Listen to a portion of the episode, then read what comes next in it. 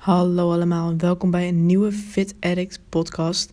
Ehm, ik had eerst een hele fancy intro en ik deed er eigenlijk niet zoveel meer mee met mijn podcast. En daarom leek het me leuk om wel weer nieuw leven in te blazen. Ik heb mijn artwork helemaal aangepast en uh, het is eigenlijk weer good to go. Um, ik heb de vorige episodes heb ik verwijderd omdat daar een intro muziekje in zat wat niet, um, ja, waar ik geen recht toe heb zeg maar voor dat, uh, voor dat muziekje wat erachter zat. Dus uh, ik dacht ik begin gewoon even lekker overnieuw. Frisse start 2019, let's go. Um, wat je kan verwachten in de komende tijd is ik in deze episode ga ik natuurlijk uh, ja, een, oude podcast die ik al eerder had geüpload, uh, komt die gewoon achteraan. Dus uh, die is gewoon weer opnieuw geüpload, zeg maar. En ehm, de volgende aflevering zal het ook zijn. En voor de rest um, ga ik natuurlijk wel een nieuwe opnemen zelf. Alleen het lijkt me ook leuk om bijvoorbeeld uh, mijn rants of motivational dingen. Of ja, hoe ik zeg maar op, op YouTube mijn video's maak, om daar de audio ook uh, in mijn podcast van van in mijn podcast te verwerken. Zo. Um, dus dat lijkt me ook heel erg leuk om te doen. Dat daar wel echt gewoon goede, ja, uh, speeches in zitten, zeg maar, waarin ik uh, precies zeg hoe de dingen zitten en hoe, hoe ik over dingen denk.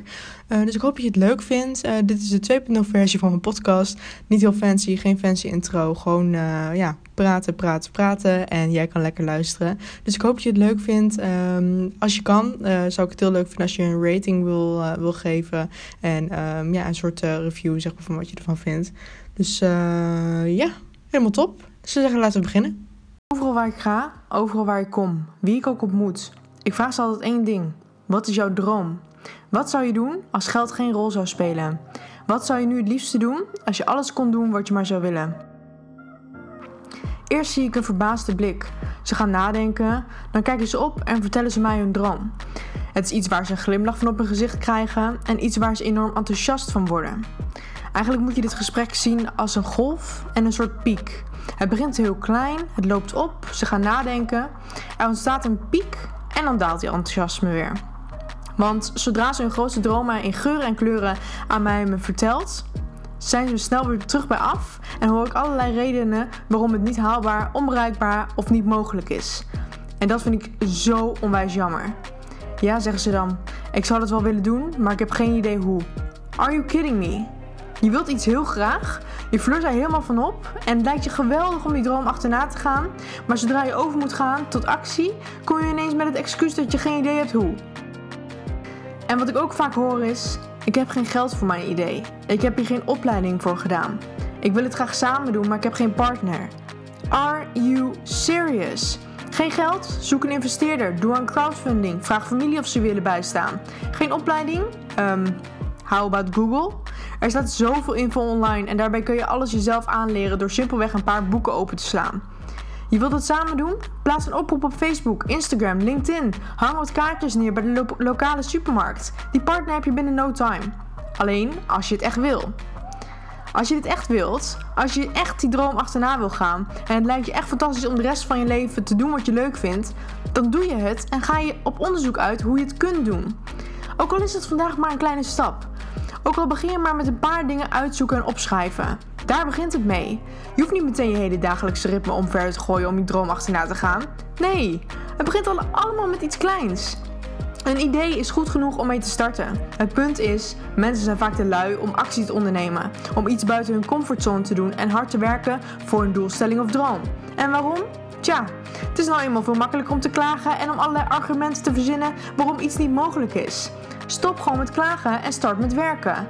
Want als je dat klagen uit je leven verwijdert, ga je gewoon doen. Onderneem je acties die nodig zijn en word je gelukkig. Echt gelukkig. Ga niet op zoek naar geld. Wat is geld?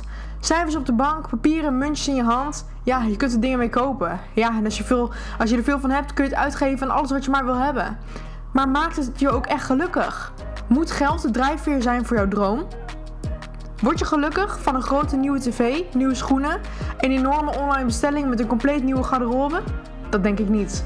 Materialisme en lading in geld moeten nooit je drijfveer zijn. Je droom is iets krachtigs, want zodra je droom als brandstof gaat gebruiken en combineert met het geloof in het hele proces en dankbaarheid, krijg je energie voor tien en ga je door tot je je droom echt kunt leven. Want het kan. Het kan echt, maar alleen als je het echt wil. Vraag jezelf af: ben je dankbaar? Ben je dankbaar voor het leven wat je nu hebt? Ben je dankbaar voor de oren die dit nu allemaal kunnen horen en wat ik nu tegen je zeg? Ben je dankbaar dat je vanochtend in goede gezondheid uit je bed bent gestapt? Of realiseer je dat niet eens? Sta je daar niet eens bij stil? Realiseer je niet hoe gelukkig je mag zijn met het gezonde en complete lichaam en alle kansen die je in dit leven hebt en krijgt? Jij hebt hier de controle over alles. Jij bepaalt hoe je reageert. Jij bepaalt hoe je ingaat op uitdagingen die op je pad komen. Jij bepaalt de uitkomst van jouw leven. Maar ja, dan krijg je die excuses. Ik ben verslaafd aan drugs, bijvoorbeeld. Ik heb een vriend die mij mishandelt. Ik voel me ongelukkig in mijn lichaam. Ik heb weinig geld. En geloof me, ik begrijp het echt. Dit zijn echt geen kleine dingen. Echt niet. Dit zijn de grote uitdagingen in het leven en die kunnen je zo erg testen dat je op een gegeven moment niet meer weet wat je moet doen. En dat is 100 als niet 1000 procent begrijpelijk. En ik heb hier alle, maar dan ook alle respect voor. Dit is niet makkelijk en dat beweer ik ook absoluut niet. Maar er is altijd een uitweg. Believe me, I know. Dus de vraag is hier: wat ga je eraan doen? Wat ga je eraan doen om dit te veranderen? Blijf je thuis op de bank zitten, klagen en de hele wereld de schuld geven van al deze problemen? Ja, kan je doen. Dat is een keus. Of kies je ervoor om in actie te komen? Stop je met klagen en pak je gewoon je gedrag aan. Als je bijvoorbeeld aan het klagen bent over je gewicht, geld of wat dan ook. Als je er nog niks aan hebt gedaan om het te veranderen, waarom klaag je dan? Tuurlijk, als je een lichamelijke aandoening hebt waardoor afvallen onmogelijk is en je daardoor je bijvoorbeeld je gewicht niet onder controle kunt krijgen, dan is dat niet meer dan logisch. Daar heb ik gewoon alle respect voor, zoals ik net ook al zei. Maar alle dingen waar je wel controle over hebt, kan je veranderen en aanpassen aan jouw wensen. En ja, dit gaat tijd en energie kosten, maar je kan dit echt. Als je het echt wil.